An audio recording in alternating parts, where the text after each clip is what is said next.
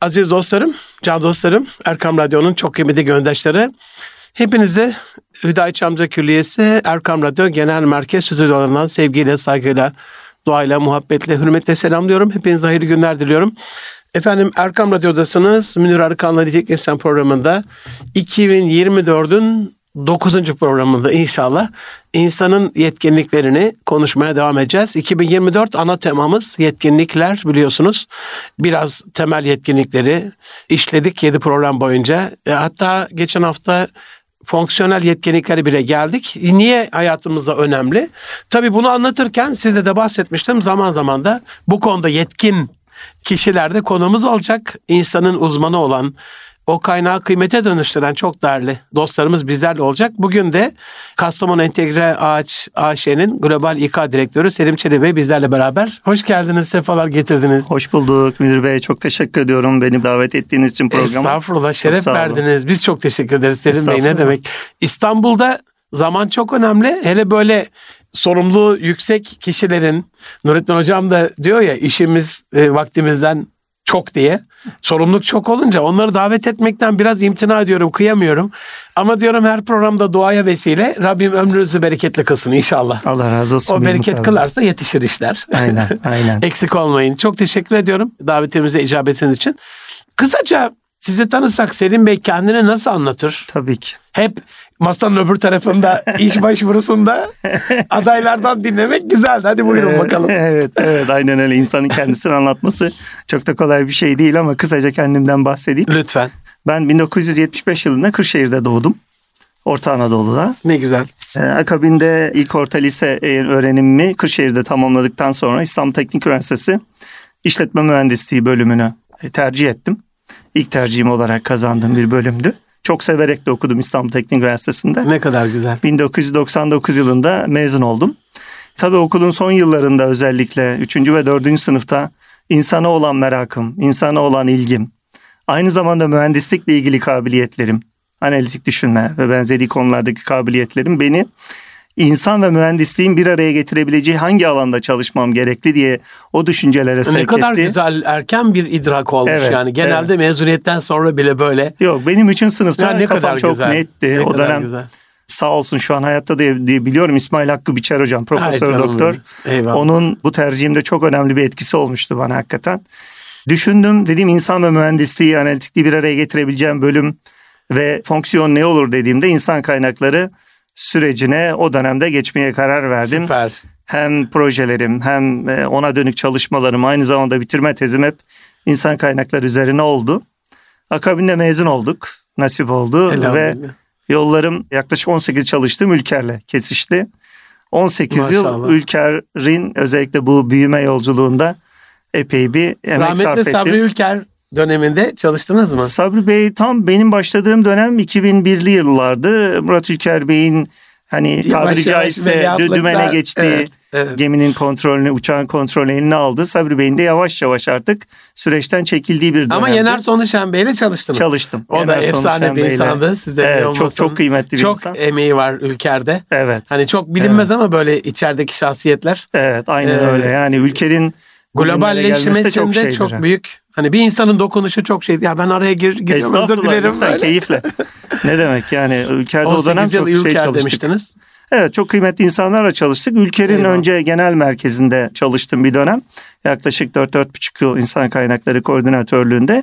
Yani kısa kısa bahsetmek gerekirse akabinde holdingin geneline bakarken 4,5 yılın sonunda Ülker'in 8 tane satış şirketinden sorumlu insan kaynakları müdürlüğü görevine atandım yaklaşık bir buçuk iki yıl o görevi yerine getirdikten sonra yine hem kariyer hedeflerim hem de şirketin ihtiyaç ve beklentileri doğrultusunda ülkenin üretim şirketlerinden sorumlu insan kaynakları müdürlüğü görevine atandım.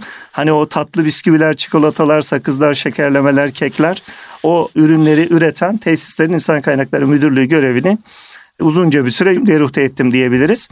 İşletme ee, mühendisliği eğitim alınca da bir şekilde üretimle kesişiyor yollar. Kesinlikle, insan aynen. ve üretim isabet İnsan olmuş. ve mühendislik, insan İns- ve üretim çok ikisi güzel olmuş, isabet e, olmuş. bir araya geliyor. O dönem ülkenin organizasyonel yapılanmaları çerçevesinde stratejik business unitler oluşturulmuştu.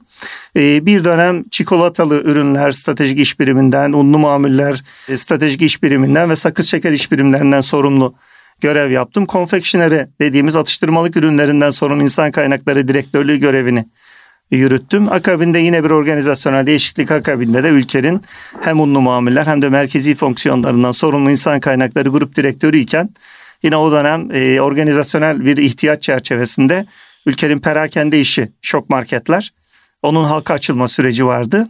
O sürecin özellikle halka açılma sürecinin insan boyutunu yönetmemi rica etti şirket Eyvallah. yönetimi. Biz de tabii kabul ettik. 3 yıl boyunca da Şok Market'ten insan kaynakları grup direktörlüğü görevini yürüttüm. 30 bin kişilik bir sorumluluğum vardı orada. Maşallah. Uçtan uca tüm insan kaynakları süreçlerini yönettik. O dönemde çok iyi hatırlıyorum Murat Ülker Bey ile bir sohbetimiz olmuştu ilk görevi devralırken. Bana Selim Bey e, ilk önce hedefin ne olacak demişti özellikle bu perakende işine ilk defa gireceğim için. Şunu söylemiştim Murat Bey doğru insanı aldığımızdan emin olursak işe Eyvallah. ve onları güzel bir şekilde yetiştirir eğitirsek bu şirketin inşallah önü açık olur diye bir yorumum olmuştu. Üç yıllık periyotta hep bu amaç çerçevesinde organizasyondan kapıdan içeriye doğru insanların girdiğinden ne emin olmak güzel. ve onları yetiştirmekten sorumlu olduktan sonra 18 yılın sonunda kendi isteğimle bir bir ara verme ihtiyacı hissettim. Böyle 4-5 aylık bir aradan sonra da Hayat Holding'le yollarım kesişti. Şu an yürütmekte olduğum Kastamonu Entegre'nin CEO'su Halik Yıldız Bey'le çok kıymetli bir insandır kendisini çok Eyvallah. severim. Halik Bey'in ile tanıştık. E, o da kendisi Kastamonu Entegre'nin global yolculuğunda özellikle insan kaynakları süreçlerini yönetebilmem noktasında bana bir görev tevdi etti. Ben de kabul ettim. Ne güzel. Yaklaşık 5-4 e, yılım bitti. 4,5 yıla Maşallah. doğru yaklaşıyoruz. Kastamonu Burada ne kadar yolculuğu. kişiden sorumluyuz? Böyle Burada şu insan... an bizim Kastamonu Entegre'deki büyüklüğümüz 7 bin kişi. Maşallah. 6 ülkede operasyonumuz var. Maşallah. Türkiye hariç. Onun için global İK direktörü Evet yani global mi? bir sorun. Gerçekten global bir sorumluluk. Çok güzel. Yani 7 bin kişinin 4 bini yaklaşık Türkiye'de. 3 bin kadarı da yurt dışında görev Allah yapıyor. Allah kolaylıklar versin. İnşallah. Evet yani Rusya'dan İtalya'ya, Romanya'dan Bulgaristan'a, Amerika'dan Türkiye'ye geniş bir interlandda. Dua diyoruz efendim. Kaynaklı. Birazdan anlatacağım benim hayatımdaki yerinde Kastamonu Entegre'nin. Çok özel bir yeri var. Ama araya parantez hakkım varsa e, ben hürmeten kıyamıyorum vaktiniz ama sizi dinlememiz lazım. Estağfurullah. E, genç arkadaşlar da dinliyor. Programımız Nitelikli İnsan biliyorsunuz. Bugün de yetkinlikleri konuşacağız ama işletme bölümleriyle işletme mühendisliğinin mesela temel bir farkı nedir ki bir uyanışa vesile olur belki. Arkadaşlar kendilerini biraz daha fark ederler. Tabii ki. Nedir ben, aradaki fark? Şöyle kısaca arkadaşların da e, anlayabileceği şey şöyle eyvallah. anlatayım. Ya işletme mühendisliği aslında işletme tekil manada mühendisliği ayırdığınızda sosyal bir bilim.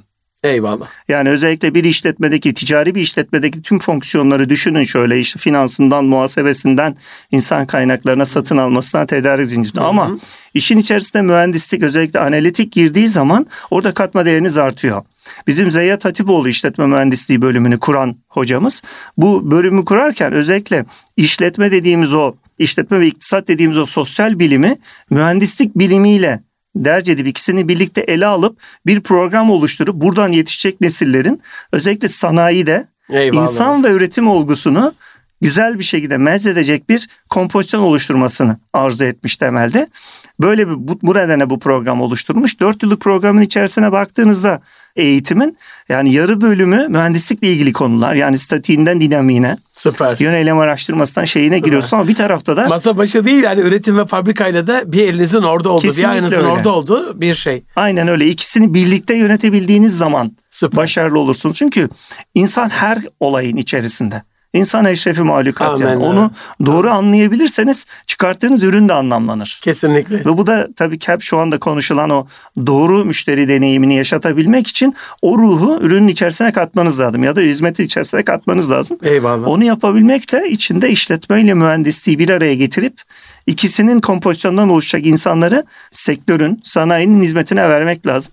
Bu anlamda özellikle hem işletme mühendisleri hem endüstri mühendisleri Türkiye'de sanayinin gelişiminde çok ciddi katkısı olan e, Eksik insanlar olmayın. haline geldiler Eksik diye olmayın. söyleyebilirim. Bir komedi programında plaza diliyle bahsettiğiniz o sosyal ve işletme fonksiyonlarını icra eden arkadaşlar böyle çok üretimle alakasız İngilizce terimlerle patrona sunum yaparken ya arkadaşlar biz sucuk, sucuk üretiyoruz. Sucuk bunu hiç yiyen var mı diye böyle.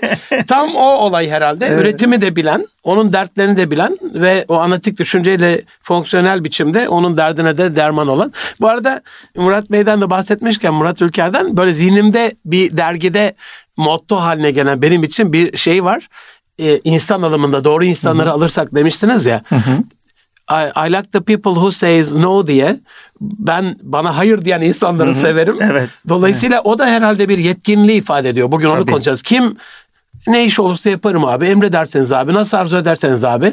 Hani Kayserileri tenzih ederim. Muhasebecilerle ilgili böyle anlatılır. Espri yapıyoruz tabii. Lütfen belgesel yanlış anlaşılmasın. Hani Kayserili muhasebeci dermiş kaç etmesini istiyorsunuz. Onun için işe girermiş. Yani öbürleri doğruyu söyleyince bazen uymayabilirmiş. O değil tabii ki. Hani tabii doğru ki. insan da orada herhalde işin gereğini yapabilen e, Kesinlikle. insan. E, aynen evet. öyle. Ben hep şunu çok dikkat ederim. Liyakat çok kritik bir kavram. Herkes söylüyor bunu Amen. ama yapabilen az. Yani bir konu hakkında liyakat sahibi insana yani bizim dinimizde de vardır yani Amen. emaneti ehline vermek Kesinlikle. hususu. Bunu liyakat olarak özetliyoruz. Yani liyakat sahibi insana emin insana bu anlamda emaneti teslim ettiğinizde o insan zaten size istediğiniz sonuçları getirecektir. Kesinlikle. İstediğiniz sonuç her zaman yani bunu kapitalist sistemde sadece karlılık olarak düşünmemek lazım. E, nihayetinde insan bu dünyaya borçlu gelmiş bir varlık. Bizim gelecek nesillere borcumuz Amen. var. Bu borcu Amen. ödeyebilmemiz için de liyakat sahibi insanlara emaneti vermek lazım. Doğru insanı işe almak konusu hep oradan geçer. Yine eski yöneticilerimden bir tanesinin çok güzel bir şeyi vardı. Murat Bey'e de refer edilebilir. E, baktığımızda benim referansım şu kapıdan içene kadar, geçene kadardır. Ondan sonrası artık kişinin liyakatı esastır. Sizin kendi şeyiniz başlar diye. Bu çok, çok önemli. Çok... İnsan kaynaklarının da en önemli rolü bence işletmelerde liyakat sahibi insanlara emaneti verebilmek, bunu onlara sunabilmek diye düşünüyorum açıkçası. Eyvallah. Yani. Ben haddim olmayarak seminerlerde Selim Bey şeyi anlatıyorum. Yani fıtratı içerideki içimizdeki Allah'ın muradı ve ekliği tohum olarak düşünürsek o fıtratı bize emanet etmiş. Bunu adaletle yani işin hakkını tam olarak vermeye gayret ederek muamele ettiğimizde liyakat ortaya çıkacak diye böyle bir dörtlü çok anlatıyorum. Güzel, çok güzel ee, özetledin. İnşallah biz de layık hale geliriz. En azından çabalar, sizler gibi dostlar öğrenme sürecindeyiz, öğreniyoruz. İki gün eşit tutmamak gayretindeyiz. Evet, evet. Buradan insana gelirsek e, işiniz insan. Evet. Nedir bu insan? Kimdir? Neden değerlidir? Niye uğraşmaya değer bir varlıktır? E, bir İK, global İK direktörü 6 e, ülkede farklı ve birçok ülkede belki yüze yakın yüzden fazla ülkede tahmin ediyorum tecrübeleriniz vardır, dokunmuşluğunuz vardır insana, muhatabınız vardır. Nasıldır sizin bakış açınızda insan kimdir? Ya Öyle ins- başlayalım. Aslında çok kolay bir soru değil. İnsan hakikaten çok derinlikli bir varlık bir anımdan bir gün bir dostla sohbet ediyoruz. Bir annenin evladına olan düşkünlüğünü anlatırken şöyle söylüyor. Bir anne evladının acı çekmesini istemez. Mesela evladının karşılaştığı bir güçlükte bir annenin neleri yapabileceğini tahmin edemezsiniz. Ya. İnsan çok hakikaten bu anlamda derinlikli bir varlık. Yani insan bizim kadim geleneğimize baktığımızda eşrefi mahlukat. Kesinlikle. Bu dünyaya bir amaç için, bir bir mefkure için gönderilmiş bir varlıktan bahsediyoruz insan. Bunu her kadim kültür, her kadim gelenek kendince yorumlamış baktığımız ama bizim kadim geleneğimizde tüm eşrefi mahlukat yani tüm ins- e, evrenin kendisi etrafında planlandığı bir varlıktan bahsediyoruz insan dediğimizde. İnsan olgusu her manada baktığımızda aile için, toplum için, şirketler için her şeyin odağında olması gereken bir varlıktan bahsediyoruz. Çünkü ortaya koyduğumuz her türlü süreç, her türlü hizmet insanın özellikle bu olgunlaşma, insanın bu olgunlaşma sürecinde ona hizmet eden bir dünyada yaşıyoruz baktığımızda insana. İnsanı ben şöyle düşünüyorum. Eğer ki insanı doğru anlarsanız, hı hı. eğer ki insanı doğru yönlendirirseniz, eğer ki insana beklentilerine, çağın gereklilikte uygun eğilimi verirseniz insanın dünya üzerinde değiştiremeyeceği, katkı sağlayamayacağı hiçbir husus yok. Şimdi şu anki düzeni, şu anki durumu düşünün. Geçmiş bizim kadim geleneğimiz hep her şeyin başına odağına insanı koymuş. İnsanı yaşat ki devlet yaşatsın Amen. demiş. Biz de şimdi insanı eğit, insanı yetiştir ki kurumlar yaşasın ve toplum ayakta kalsın diyoruz. Sosyolojik olarak baktığımızda insan özellikle toplumların var olması, devletlerin var olması, özellikle ailenin var olması ile ilgili çok kritik bir konumda olduğunu görüyoruz insanın. Ben insanı bu çerçevede bakıyorum. Yani özellikle de şirketimizde insana dair konuları yönetirken insan ve güven olgusunu şirketin hamuruna Eyvallah. yoğurup ikisini birlikte işe yapıp şirketlerin varlığının devamlılığı, bununla toplumun varlığının varlığının devamı ve insanlığın varlığının devamı olarak görüyorum Eyvallah. açıkçası. Neler, her şeyi buna hizmet ediyor. Allah razı olsun. Neler yapıyorsun diye soracağım ama ama diyerek sizi ve şirketi tenzih ederek çünkü benim de hayatımda çok önemli bir yer var Kastamonu Entegre'nin. İş dünyasında şöyle bir paradoks da yok mu bir handikap olarak? Ben birkaç tane vakfa danışmanlık yapıyorum. Geçen ay böyle bir gece irkilerek uyandım.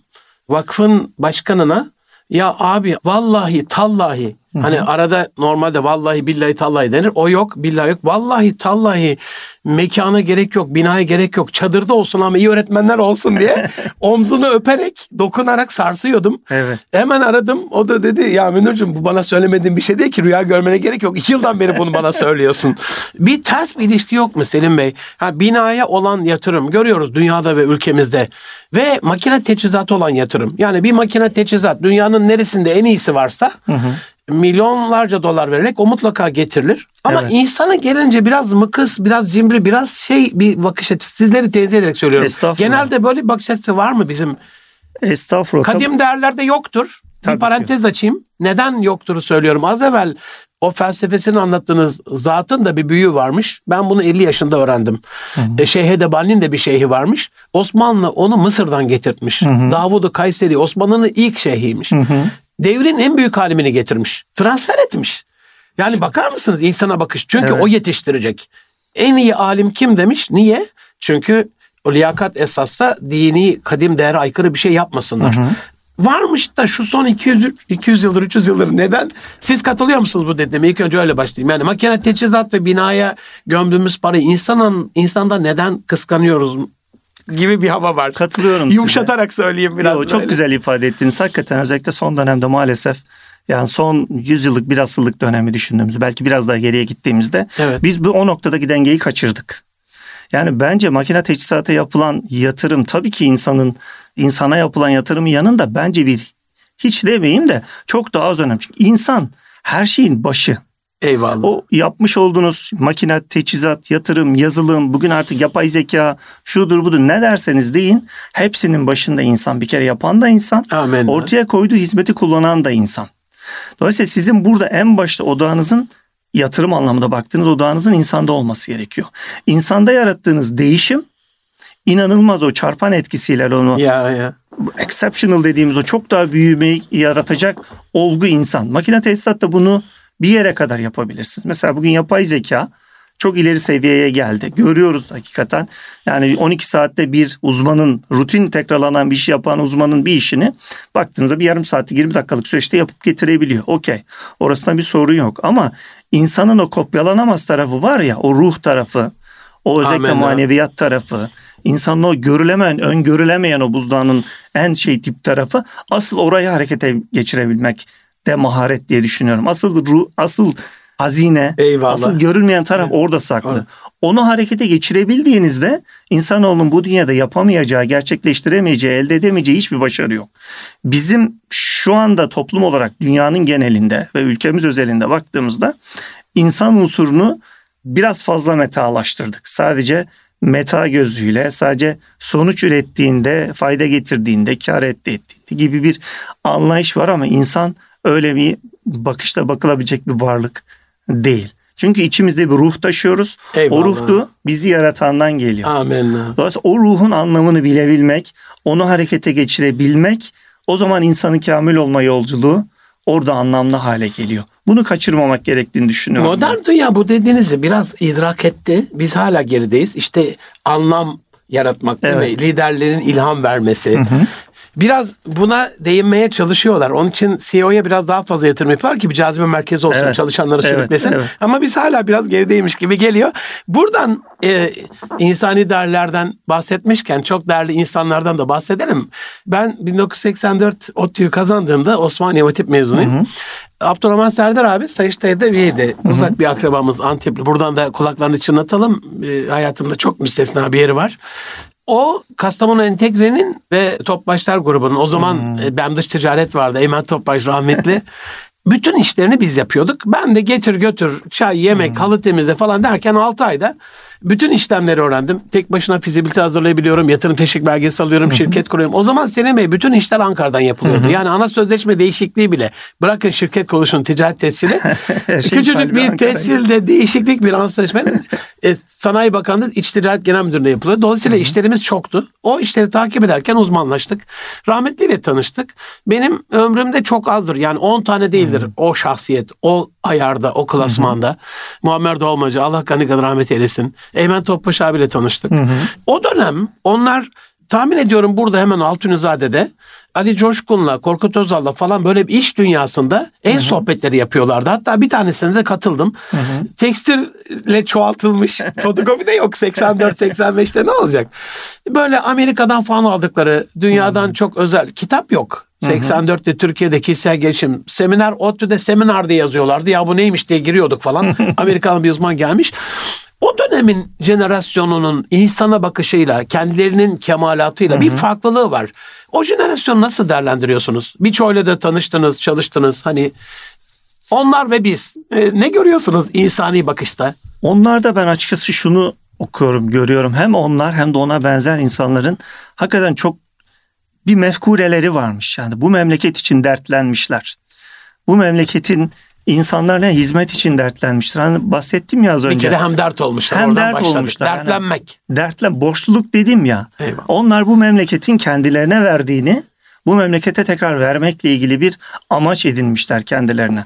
Ben hem bir önceki şirketimdenin kurucularında eyvallah, bunu gördüm. Eyvallah, eyvallah. Hem şu anki şirketimin sahiplerinde bunu çok net hissediyorum. Beni o kadar mutlu ediyor ki. Elhamdülillah ne büyük şans. Amaçları kesinlikle şey değil yani tamamen ticari mefkureler, ticari amaçlar öyle değiller. Yani tamam mı bu memleketin insanlar bu memleketten aldıklarımızı Yahya Kiyılı Bey'in çok güzel bir şeyi var. Bu memleketten aldığımı bu memleketin insana vermekle mükellefim. Eyvallah. Yani bu şirkette oluşan değer, ürettiğimiz katma değeri toplumun tüm fertleriyle paylaşmayı kendimize gaye edinmişiz. O dönemin insanlarında bu mefkure çok güçlü.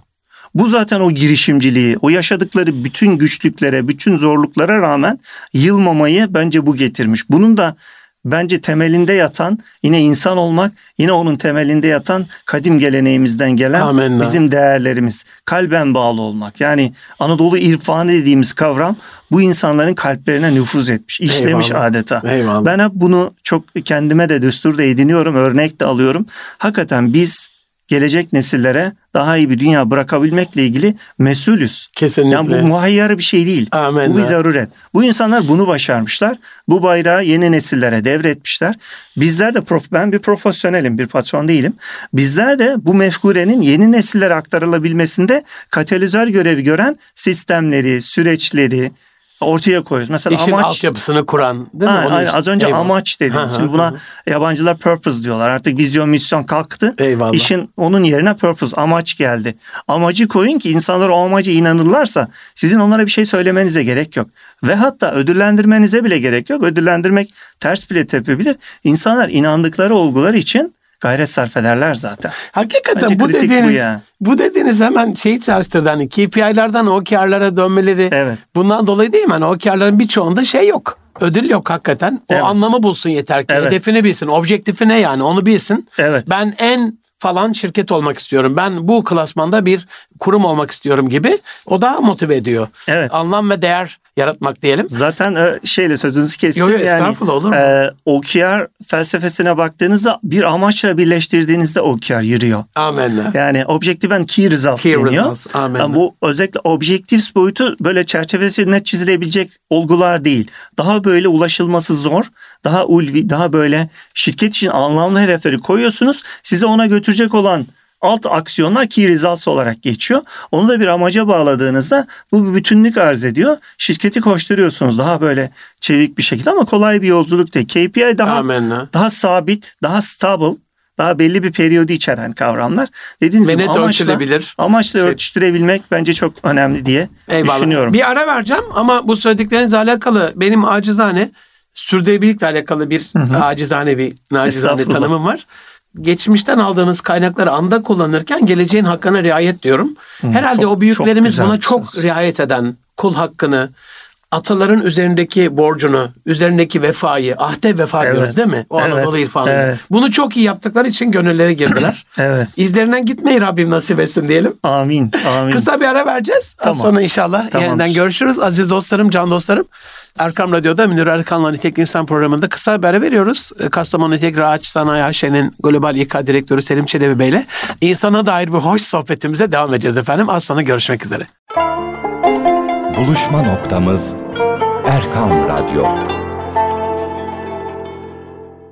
Aziz dostlarım, can dostlarım, yeniden birlikteyiz. Erkam Radyo'da Münir Arıkan'la Nitek İnsan programı. Bu haftaki konum biliyorsunuz 2024 temel yetkinlikleri konuşuyoruz ya da insanın yetkinliklerini konuşuyoruz. Alt birimlerinin bir tanesi de temel yetkinlikler biliyorsunuz. Kastamonu Entegre Ağaç Sanayi AŞ'nin Global İK Direktörü Selim Çelebi Bey'le çok istifade ettiğim, araya girerken de böyle çok imtina ettiğim, üzüldüğüm parantez hakkımı kullanırken bile kıyamadığım vaktine bir sesna şahsiyetle beraberiz. Yeniden hoş geldiniz Selim Bey. Hoş bulduk. Teşekkür eksik, ederim. Eksik olmayın. Evet Cünüz. Estağfurullah. Şeye baktığımızda insanın yetkinliklerindeydik. Siz global insan kaynakları direktörüsünüz. Hem operasyon yaptığınız ülkelerde hem gittiğiniz gördüğünüz sonuçta dünya insanını gördünüz. Tanıyorsunuz artık az çok. İnsan kaynağını nasıl görüyorsunuz? Bunu hem e, intellectual capital diyor ya Batılılar, entelektüel sermaye olarak söylüyorum. Hem insan kıymeti olarak söylüyorum. Hem teknik bilgi, beceri, yetkinlik adına söylüyorum. E, nasıl görüyor bir global İK direktörü insana baktığında hı hı. yetkinlik açısından insanın durumunu? Hı hı.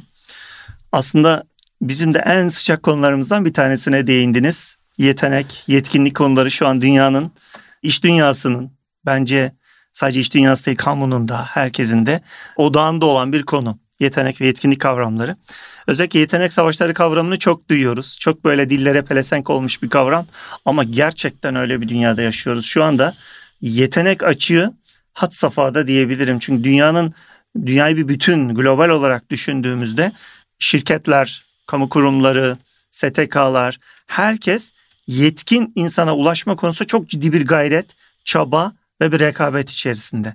Bunun nedeni de çünkü işlerin nevi çok hızlı değişiyor. İşin içeriği değişiyor. Yani hep söylenen bir konu var ki biz onu çok canlı yaşıyoruz. Bundan 5 yıl ya da 10 yıl öncesinin e, çok günde güncel konuları, işleri artık bugün gerçekten yok oluyor. İşe bakış şekli değişiyor, işin anlamı değişiyor. Gençlerin, yeteneklerin olaya bakışları değişiyor. Bu değişiklik de tabii iş dünyasının iş yapış şekline, işleri ele alış şekillerine de doğrudan Kesinlikle. yansıyor. Yetenek dediğimiz özellikle entelektüel sermayenin ben geriye gittiğini düşünmüyorum. Entelektüel sermaye büyüyor, gelişiyor ama bizim öngördüğümüz şekilde değil. Gençlerin istediği şekilde değişiyor. Gençler kendi kapabilitelerini, kendi yeteneklerini bu gelecek dünyanın gerekliliklerine göre eviriyorlar. Bugün özellikle yapay zekaya, kod yazılımlarına, özellikle teknolojik konulara eğilimin bu kadar artmasının nedeni geleceğin dünyasında buna dönük talebin artması kendi arzını oluşturuyor. Böyle olmayan işler yavaş yavaş yavaş yavaş gerileyip hakikaten ölüyorlar. Biz kendi işimizde de görüyoruz. Burada şunu söylüyoruz gençlere. Yeteneklerinizi yet- yetkinlikten ya reskill edin ya upskill edin diyoruz. Yani ne demek bu? Ya yeni beceriler kazanın bir de unlearning var yani. Bildiklerinizi unutun. ya, ya. Yeni becerileri kazanın ya da mevcut beceri setinizi değiştirin, çağa adapte edin. Bunu hem soft yetkinlikler için söyleyebiliriz hem teknik yetkinlikler için söyleyebiliriz. Mesela biz faaliyet gösterdiğimiz ülkeleri düşündüğümde mesela bir Rusya Rusya'ya gittiğimdeki hı hı. oradaki entelektüel sermayemi gözlemlediğimde bir İtalya ile aynı olmadığını görüyorum. Bir Romanya'ya gittiğimde oradaki iş gücü çalışan kitlemizin sahip olduğu şeylere baktığında bir e, Bulgaristan'la kıyas ettiğimde çok benzer olmadığını görüyorum. Çünkü orada sosyolojik toplumsal normlar giriyor devreye. Yaptığımız iş aynı, ürettiğimiz ürün aynı, sattığımız ürün belli Bölgesel zaten. Bölgesel baksak aslında Doğu bloku gibi ama Doğu onda gibi. bile farklılıklar. Fark, farklılıklar oluyor. Herkes normalde aynı noktaya, aynı yetkinlikleri kazanmaya doğru gidiyor ama herkesin entelektüel sermayesi aynı hızda gelişmiyor. Yani bugün bir İtalya'daki o gelişmişliği yani bir Bulgaristan'da hemen göremeyebiliyorsunuz. O gapleri kapatabilmek çok kritik hale geliyor diye düşünüyorum ben. Dolayısıyla biz yeteneğe, yetkinliğe bu çerçevede bakıyoruz. Ben iyi noktada olduğunu düşünüyorum. Gençlerin algısını duygusunun çok güçlü olduğunu düşünüyorum. Gençler çok güçlü geliyorlar. Bizi zaten Bizim jenerasyondan daha hızlı adapte oluyorlar gibi çok sanki. Daha hızlılar Onu gözlemliyorsunuz. Çok daha hızlılar. Evet. Mesela biz işe alırken üç kritere çok dikkat ederiz. Ay ne ben, güzel. Aman dikkat. insanın e, işlemcisi ne diyorum ben? Yani üç konuyu Süper. ölçeriz. Bilimsel olarak da ölçeriz Süper. envanterlerle. Mantık sal Yürütme. düşünebilme becerisi, evet. problem çözme Çözüm. becerisi, eleştirel düşünme becerisi. Bu üçünü ölçer. Bu üçünün kombinasyonundan çıkan sonuç bizim için çok kritik çünkü yaptığımız işlerin karmaşası yani hem yatayda hem dikeyde düşün hem işimiz biraz zengin ve karışık aynı zamanda faaliyet gösterdiğimiz ülkeler birbirinden bağımsız. Bu kompleksiteyi yönetebilecek yetkinlik setine sahip yetenekleri almak, onları organizasyonda tutmak, yetiştirmek, geliştirmek çok kritik diye düşünüyorum açıkçası. Bu anlamda ben ümit varım. Gençlerimize çok güveniyorum. Bugün öğleden sonra şirkete yeni son iki yılda dahil ettiğimiz genç yeteneklerle bir araya geleceğim. Ay ne kadar güzel. Onlarla iki yıllık deneyimlerini dinleyeceğim, anlamaya çalışacağım. Süper. Çünkü onları ne kadar anlayabilirsek o kadar yeteneği, o kadar potansiyeli açığa çıkarabiliyoruz. Doğru anlayabilirseniz. O potansiyel açığa çıktığında Münir Bey inanamıyorsunuz. Ya, o kadar güzel sonuçlar kesinlikle, çıkıyor ki. Kesinlikle. Son bir söz söyleyeyim. Dün bir sonra sözü size vereyim. Dün bir direktörümüzle sohbet ediyoruz. Yine bu genç yeteneklerden bir tane arkadaşın bir konuya yaklaşımından bahsetti bana. Bu çocuk dördüncü sınıfta okuyor şu anda. Bakın mezun da değil. Selim Bey diyor bir konuyu diyor verdik ödev olarak verdik diyor. Böyle bir e, tedarik zinciriyle ilgili bir konuyu ele verdik. Şey eline verdik çalış dedik diyor. Bir çalışmayla geldi bizi diyor. İşte direktör var. Ben varım diyor. Şey var diyor. Dördümüzün önüne diyor bir e, sunumla geldi. Kullandığı kelimeler, ortaya koyduğu savlara baktığımızda ağzımız açık dinledik diyor yani. Dördüncü sınıf öğrencisi nasıl Muhteşem. böyle bir şey getirebilir? İnanılmaz güzel bir şey. Bizim gençlerimiz müthiş e, yetişen gençlerimiz. Ben bu anlamda geleceğimiz ülkenin geleceği için çok ümit varım. Eyvallah. Biz de onların geç önlerine engel olmayalım, önünü açalım yeter Eyvallah. Zaten inanmasam inanın 24 yıldır bu işi yapıyorum. 30 Mayıs 2000 doğumluyum. Önceki hayatımı saymıyorum. Hani düşünen, yazan, konuşan Münir Erkal olmaya karar verdim. Tarih 31 Mayıs 2000.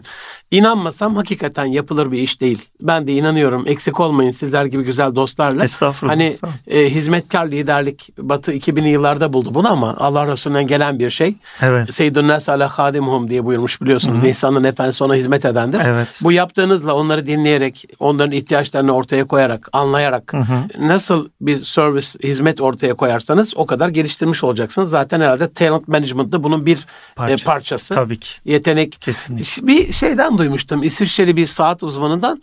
Diyor ki masaya çok kaliteli parçaları getirirseniz diyor. Hı hı. E, bir saat olmaz diyor yani yığıntı evet. olur diyor. Evet. Bunu o zihnimde canlandırıyorum muhteşem bir şey. Bir İsviçreli saat ustasına ihtiyacınız var diyor. Hı hı. Bütün dişleri kurumda da sizin rolünüz o. Yani haşa yığıntı demek istemiyorum o değerli e, intellectual capital, akıllı sermaye, insan kıymetine. Ama öyle bıraktığınızda hakikaten yığıntı oluyor. Yani bir Tabii. güruh oluyor. Tabii. Ama bir sistem, bir fonksiyon, bir ilişki, bir bağlantı Türker Kılıç hocamı da buradan alalım mı? Bu yüzyılın en temel bilimi diye ben 10 e, yıldır bunu anlatıyorum. Dün de bir tweetleştik. Hmm. Bağlantısallık, bağlantısal matematik. Sizin hmm. de çok aşina olduğunuzu biliyorum. Hani o bağlantı kurmak zaten kadim gelenek dediniz. Hmm. Bağlantı kurmak üzerine yani bağ kurmadığında yok oluyorsun. Yok Yoksun. Seni evet. saymıyor yani. Evet atanı, ceddini, sülaleni, soyunu, sopunu, nesebini tanımadığında, o bağı koparttığında rızkın ve ömrün kesiliyor. Kesiliyor, sen de yok oluyorsun. Yok yani. alıyorsun. Mümkün Komşunla bağlantı kurmadığında yok sayıyor seni. Ya yani evet. komşusu açken tok yatan bizden değildir. Yoksun Tabii. diyor. Anne babanı tanımazsan sosyal sorumlulukla ilgili vakıf e, şeyinde felsefesinde o büyüklerimizin az evvel bahsettiğiniz o sorumluluğunu bu topraktan kazandığın bu toprağa harcamayı yaparsan tutunamıyorsun zaten. Dolayısıyla o bağlantısallığı sağlayan bir e, router gibi bir ana kumanda gibi görüyorum. Siz eksik olmayın. Kesinlikle Hizmet öyle. edeceğiz hep beraber. Aynen. Bir ufak anekdot lütfen, vereyim. Lütfen. Yıllar önce birlikte çalışma imkanı olduğumuz bir danışmanımızın sözüydü bu. Peter Sengey belki bilirsiniz Eyvallah. 5. disiplin. Ey, o şöyle bir şey söylüyor diyor ki performans ilişki ağlarında gizlidir diyor. Ya bu Süper. şirket için söylüyor ama toplam toplumu düşünün. Toplumda Kesinlikle. da performans, Kes, toplumda da Kesinlikle. bir sonuç elde etmek istiyorsan ilişki kurman gerekiyor. Kesinlikle. Network kurma. Anlamlı ilişkiler kurduğun zaman insan hem daha da mutlu oluyor. Ben böyle bir gönüldaş hem de meslektaş bulunca ge- gevizelik yapıyorum kusura bakmayın. Kıyamıyorum vakti. Tam da burada yetkinlik temelli şeyi sorsam. Hani bu bir İngiliz anahtarı ya da İsveç çakısı gibi functional bir şey mi? Hı hı. Yoksa işin çok değindiniz kadim derlere maneviyatla o bahsettiğiniz ruhla e, spiritüel manada bir alakası var mı? Yani yetkinlik böyle tamamen fonksiyonel bakıp işte görevler, tanımlar, performans Böyle bir şey mi? Yoksa işin manevi bir boyutu da var mı? Nasıl bakıyorsunuz? Olmaz olur mu? Kesinlikle olur. Çünkü yetkinlik yani bir tool olarak düşünün. Bir mesela evet. problem çözme becerisi çok güçlü bir Aha. yetkinlik diyelim herhangi birimizde ya da eleştirel düşünme becerisi çok güçlü bir yetkinlik diyelim ama bunu harekete geçirecek bir kıvılcımın olması lazım. Bir anlam duygu duygusunun olması lazım. O da dediğiniz o anlam duygusu o maneviyattan geliyor, o duygudan geliyor. Yani bir genci daha fazla performans ortaya sevk edebilmeniz için onu anlamlı bir yani güçlü bir anlam duygusuyla bir araya getirmeniz lazım ki o yetkinliğini o İsviçre çakısını çıkarıp kullansın. Dolayısıyla ne ile yetinmeyerek neden kısmını da veren kısım. Kesinlikle ikisini spiritüel... birlikte katmak gerekiyor. Son okuduğum kitaptan örnek vereyim. Daniel Pink'in Drive kitabını okumuşsunuzdur. Orada söylediği çok üç tane etkenden bahsediyor. Yani yani bir insanı diyor sonuç alabilmesi için bir insanı bir konuda başarılı kılabilmeniz için diyor önce onu özerk bırakmanız lazım. Diyor. Ya. Serbest bırakmanız lazım. Sınırlandırmamanız ya da sınırlandıracaksanız onunla mutabık kaldığınız çerçevede bir özellik alanı belirlemeniz lazım. İkincisi ustalaşmasına fırsat vermeniz lazım diyor. Yani o İsviçre çakısının bıçağını bilemesine ya, ya da o yeteneklerini, yetkinliklerini keskinleştirmesine fırsat vermeniz, ona eğitim imkanları sağlamanız, mentörlük vermeniz, koçluk vermeniz, usas deneyim kazandırmanız artık neyse. Hı hı. Bunu yapmanız lazım. Üçüncü ve en önemlisi diyor amaç duygusu koymanız ya. lazım diyor. Amaç duygusu da koyarsanız özellik tanır, ustalaşmasına da fırsat verirseniz bir yeteneğe bir yetkinliğe onun ortaya koyacağı sonuç fevkalade olur. Sizi de mutlu eder, kendisi de mutlu olur. Diyor ki ben bunu gençlerde çok görüyorum yani. Gençler ya da yetenek olarak tabir ettiğimiz yetenekli dediğimiz tabir et, şekilde hı hı. tarif ettiğimiz insanlar bu üç öğeye çok dikkat ediyorlar. Bizim e, kadim geleneğimiz de aslında bunu söylüyor. Amenna, kesinlikle. Bize. Kesinlikle. Yani hem Bende de o canlandı. Bakın, Siz söylerken belki hakikati buldukları için bizi etkiliyor o kişilerin bu cümleleri, kitapları bizim kadim gelenekten beslenip beslenmeklerini bilmiyorum ama illaki araştırmışlardır. İşin deruni yapısında hakikatle örtüştüğünde daha bizim için anlamlı kalıyor. Tabii. Gençlerden böyle manevi anlamda topluma böyle yüzeysel baktığımızda hani işin uzmanı olmayanlar işte çöküyoruz, ölüyoruz, bitiyoruz falan ama sizden böyle ümit var cümleleri duymak çok önemli. Çünkü siz sadece bakan değil, haşa zaten hiç bakan değil, direkt dokunan, işleyen, Bazen şey oluyor Selim Bey ya ben bunu insanın kaynağında ve kıymetinde iki derde de arada işliyorum. Çok özür diliyorum e, dinleyenlerimizden sizlerden. Parfüm sektöründe çok kıymetli olan bir balina kusmuğu var. Hani hmm. milyonlarca yıldır oluşan. Dünyada bugüne kadar bulunanların hemen hemen hepsinin koleksiyonunda resim olarak vardır. Görsel olarak. E, haberlerden ulaşabildiğim kadarıyla böyle bir bakarım. Ya gerçekten sahilde görseniz yani eğlenecek bir şey değil işe yarayan bir şey de değil. Kokmuyor da üstelik. Hani kokusuyla hmm. cezbeden değil ama kokunun kalıcılığını sağlıyor. Hmm. Bilmeyenler bakıyorlar, geçiyorlar. Ama erbabı olan, onu bilen ya da meraklı olan bilmese bile ya bu nedir hı diye farklı bir şey çünkü. Götürüyor ya işte 10 milyon 20 milyon dolarlık bir şey haline geliyor. Yani 3-4 gün bir hafta çıkmaz hale getiren kokuyu o kalıcılığı o sağlıyor. değil mi? E, mücevher de böyle değil mi? Yani elmas ilk çıktığında ben bir altın şirketine danışmanlık yapmıştım bir dönem. Hı hı. Hani o e, granit içerisindeki partikülleri hı hı. gösterdiler bana. Hatta bir plaket verdiler. Hı hı. E, ben de bu mu dedim hani bir şey parlıyor yok o granit dediler. Yani görünür bir şey değil ki dediler. yani 3 tonda o dönem 1 gram oluyordu. E, bir tonda bir gram olursa inanılmaz kara geçiyorlarmış falan.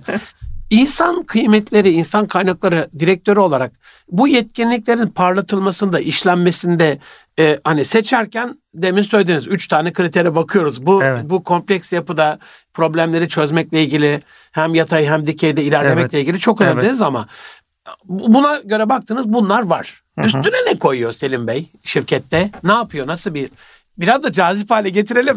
Üzerimizde emeği var Muammer abinin. Ee, iyi uzmanlar, kaliteli, nitelikli genç arkadaşların tercih etmesine vesile olsun program böyle. Eyvallah, teşekkür ederim. Sağ olun. Yani ülkemizin çok güzide kurumlarından kesinlikle, bir tanesi Kastamonu Entegre. Kesinlikle. Hayat Holding diğer gruplardaki gibi. Biz bir kere bahsettiğim şekilde organizasyona dahil ettikten sonra genç yetenekleri ya da kendi şeyine göre yetenekli insanları onlara bir kere öncelikle bu bahsettiğim özellik, ustalaşma ve amaç duygusu ile ilgili sistematik yapılar sunuyoruz. O yapıların içerisine sokuyoruz. Bir kere eğer yeni mezun bir genç ise Bizim organizasyonumuza dahil olmadan önce zaten bir 8-9 ay öncesinde Talent Tree adını verdiğimiz Global Talent Tree, global bir genç yetenek programımız ha, var. Ne güzel. O programla seçiyoruz bir kere. Üniversitede okurken 3. ya da 4. sınıfta bu proseslerin hepsinden e, işte bu yani çağdaş diye tabir edeceğimiz yetenek testlerinden, kişilik envanterlerinden, assessment'lardan, e, vaka analizlerinden geçip seçiliyorlar. Akabinde e, Dolayısıyla hemen ilk başvuruda değil 8 aylık bir tabii background'ı var. var. Öncesi tabii ki var. öncesi var. O ne öncesinde şirketle bir muhataplaşma, şirketi anlama, tanıma süreci yaşıyorlar. Hani bizim geleneğimizdeki evlilikteki nişanlılık gibi düşünün. Bir çay içelim falan derler ya böyle. O süreç sizde 8 ay. evet yani 8-9 ay sürüyor. ne güzel. Önce bir 2 aylık bir yoğunlaştırılmış bir programdan geçiyorlar zaten gençler. Hem teknik becerilerini geliştirebilecekleri hem soft yetkinliklerini geliştirebilecekleri çok nitelikli hazırlanmış bir gelişim programına tabi oluyorlar. Öğrendiklerini staj ortamında değerlendiriyorlar, ortama dahil oluyorlar ve onlara biz şirketin acı çektiği hani bu şey point dedi, acı noktası dedikleri noktalardan projeler veriyoruz. O projelere kafa yoruyorlar. Kafa yoruyorlar, projelerini geliştiriyorlar. Mesela nasıl talent, aşarlar darboğazları, tabii, ideaton dediğimiz falan. bir sürece sokuyoruz. Süper. Orada fikirler getiriyorlar. Fikirlerini sunuyorlar üst yönetime, anlatıyorlar. Öyle heyecan duyuyorlar ki görseniz. O yüzden ümit varım. Yani gözlerindeki ışığı görünce ben mutlu oluyorum. Bu prosesleri yaşadıktan sonra biz özellikle buradan bu süreçten geçen arkadaşları bu kez şirkette asıl kadroya dahil ediyoruz ve onların emtilik o süreçleri devam ediyor. Yani şirkete olan adaptasyon süreçleri yavaş yavaş yavaş yavaş üstüne koya koya gidiyor. Daha sonra şirket içerisinde kapsamlı e, yapılandırılmış eğitim programlarına tabi Çok oluyorlar. Güzel. Koçluk alıyorlar mentörlük alıyorlar abilerinden, büyüklerinden. Siz de bir ICF deneyim, koşusunuz. Meslektaşız bu anlamda. De, deneyim, deneyim. koçluk da önemli tabii. Koç, tabii Mentörlük yani. de önemli, koçluk da Her önemli. Her ikisini de uyguluyoruz. Deneyim kazanıyorlar.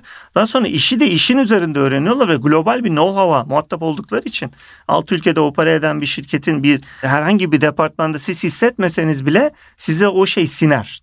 Kesinlikle. Yani konuşmalardan, olayları ele alış Kültür şeklinden. etkiler. Diversity dediğimiz o çeşitlilik silmeye başlıyor. Yavaş yavaş o dediğim sana o karbon sıkıştırla sıkıştır elmasa doğru dönüyor. O elmas bir süre sonra bu gençler sonuç üretmeye başlıyorlar. Sonuç ürettikçe onları bir kariyer peti bekliyor. Ya bir kariyer yolculuğu, yapılandırılmış bir kariyer yolculuğu bekliyor.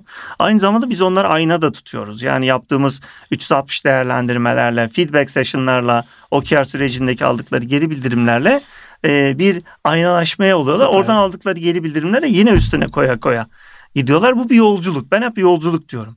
Bu yolculuk ve hep de gençlere söylediğim e, ekipar öğrenmeniz devam ettiği sürece bu yolculuğun içerisinde yer alın. Kesinlikle. Ama öğrenmeniz duruyorsa bir alarm zili çalıyordur. Orada kendinizi de uyarın, bizi de uyarın ki müdahale edelim. Çünkü öğrenmenin bittiği anda bağlılık da bitiyor.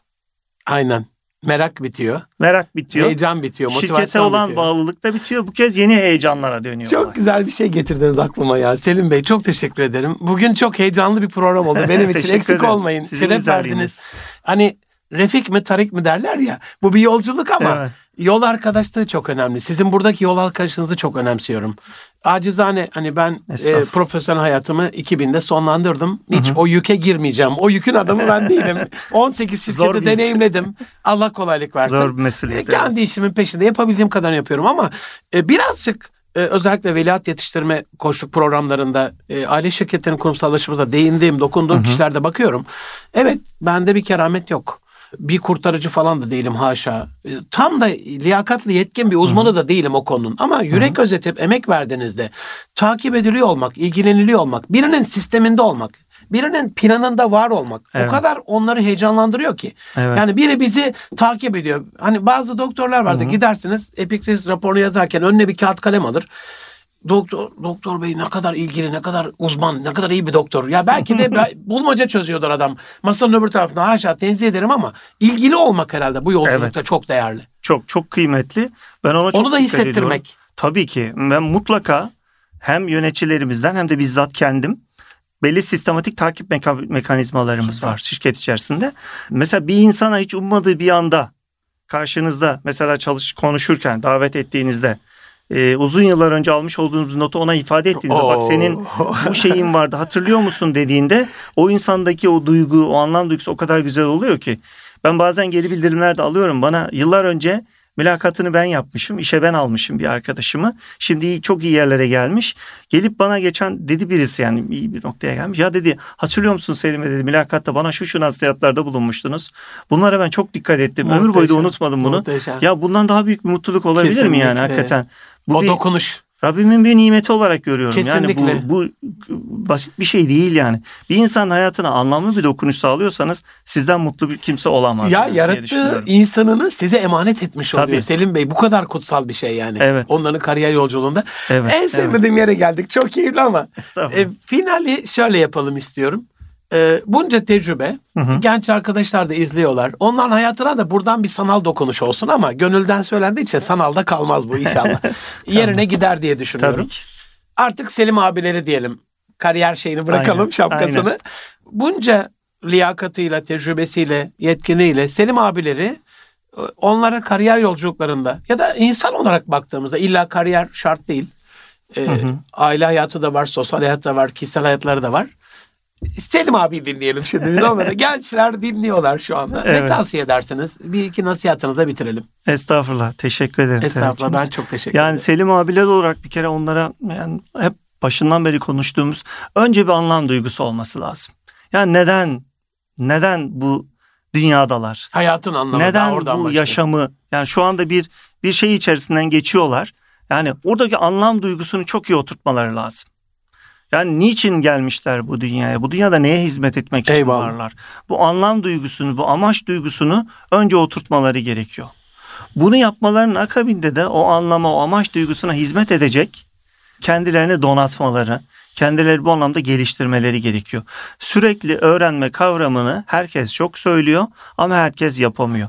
Sürekli öğrenmek bence bir gencin vazgeçilmez yetkinliği olmalı. Yani kesinlikle bundan. Sürekli öğrenmeden kasıt az önce siz çok güzel söylediniz. Network kurmak ilişki kurmak, ilişkilerin içerisinde yer almak. Farklı çeşit... Her bir dokunuştan bir şey öğreniyorsunuz tabii, çünkü değil mi? Tabii.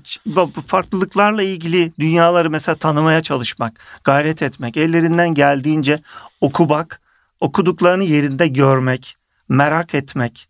Bunlar çok önce sorgulayıcı bakış. Yani ne, niçin var? Bunu bunu hep anlamaya dönük, anlam arayışına dönük konular diye düşünüyorum. Bunlara yatırım yaparlar ise bence önleri çok açık olur. Yani ben şeyi pergelin iki ayağı var ya sabit ayağı anlam duygusu. Eyvallah. Yani hakikaten Olmazsa olmazı. Rabbim bu dünyada neden bizi göndermiş? Nasıl bir hani diyorum ya borçluluk mefkuresi. Gelecek nesillere borçluyuz. Kesinlikle. Bugün sürdürülebilirlik kavramını çok tüketiyoruz. Yani çok dillere felesen. Sürdürülebilirlik ama niçin? Gelecek için biz bu sürdürülebilirlik konuşuyor. İnsanda da sürdürülebilirlik önemli. Tüketmemeliyiz yani biz hazinemiz. Gençler bizim hazinemiz. Gençlere emanet ettiğimiz hususlar bizim hazinemiz. Baktınız bu ülkenin bir değeri. Bunu sürdürülebilir kılmanın yolu profesyonelce bir amaca odaklanıp o mefkureyi hiç kaybetmeden üstüne yatırım yapa yapa öğrene öğrene bir yolculuk inşa etmek gerekiyor. Hiç durmaması gerekiyor. Eyvallah. Benim sadece bu şirketteki sorumluluğum dışında farklı sorumluluklarım da var. Olmaz yani mı? gönlümü koyduğum ya. yani özellikle gençlere hizmet edebilmekle ilgili. Bozkır'ın diliyle söyleyelim. Gongüllü faaliyetleriniz vardır. var. Neşet abi rahmetlinin deyimiyle. Var hakikaten yani. Gongüllü faaliyetler olacak. Olması da lazım çünkü ya bu biz burada bu dünyadan ölüp git şey olmayacağız. Yok olmayacağız. Bunun Amin. bir ahireti var. Bunun Amin. bir ebedi, e, bir, şey, ebedi var. bir boyutu var. Yani buraya gelmemizin bir anlamı var. O anlam duygusuna uygun hareket ederlerse bu dünyada mutlu olmamaları için bir sebep yok. Tabii ki inişli çıkışlı bir hayat. Onlar öyle çok toz pembede bir dünya beklemiyor. Ama dirayet, çeviklik, o resilience dedikleri kavram ya bunlara kendilerini hazırlamaları gerekiyor. Eyvallah. Yani böyle moda kavramlara böyle dokunup çıkmak gibi değil, içine girip hakkını vermek, hakkını yaşayarak gerekiyor. yapmak onları bence hem kariyer hayatlarında hem özel Eyvallah. hayatlarında anlam duygusuna yakalamalarına sağlayacaklardır çok, diye düşünüyorum. Çok teşekkür ediyorum. Aziz dostlarım gördüğünüz gibi 2024 çok canlı ve heyecanlı geçecek insanı ve onun yetkinliklerini konuşacağız. Her hafta birbirinden kıymetli değerli konuklarımla. Bu hafta Kastamonu Entegre Ağaç Sanayi AŞ'nin Global İK Direktörü Selim Çelebi Bey bizlerle beraberdi. Ben en heyecanlandığım programlardan bir tanesi oldu. Arada da hadsizlik yapıp çok parantez hakkımı kullandım. Özür diliyorum kendisinden. Ama inşallah geçmişlere rahmet okuyalım. Bir Fatiha okuyalım programın sonunda. Onu yetiştiren üzerinde emeği olanları minnetle yad edelim. Dua edelim. Allah, Allah ömrünü bereketlendirsin. Bizim e, insanın kaynağını, kıymetini, yetkinliğini konuşuyoruz ama Selim Bey gibi insanlar bizim kıymetlilerimiz. Allah'ın yarattığı canları emanet ettiği Ehil olmasa bu emaneti almazdı. Yani 7 bin insandan sorumlu bir insan yerine göre 30 bin, 50 bin, 100 bin insan sorumlu almış bir insan özel seçilmiş insanlardır. Rabbim sayılarını artırsın. Dua edelim ömrünü bereketlendirsin. Size başarılar, muvaffakiyetler diliyorum. Bu fırsatı verdiğiniz için çok teşekkür ederim Münir Ben, ben programlarınızı çok hakikaten ilgiyle, sevgiyle e, takip ediyorum. Şeref duydum. Sizinle program yapmak, siz çok deneyimli bir insansınız. Bu ülkenin yetiştirdiği önemli kıymetlerden bir tanesiniz. Yüzünüze de söylüyorum. Uzun yıllarda takip ediyorum. Çok teşekkür ederim. İnşallah ee, Rabbim olmayın. güzelliklere vesile etsin bu amin, sohbetimizi de. Amin. Çok çok teşekkür Sağ ediyorum. Ol. Aziz dostlarım gelecek hafta bir başka konuk ve yetkinlik konusunda konuşmak üzere. Hoşçakalın. Allah'a emanet olun efendim.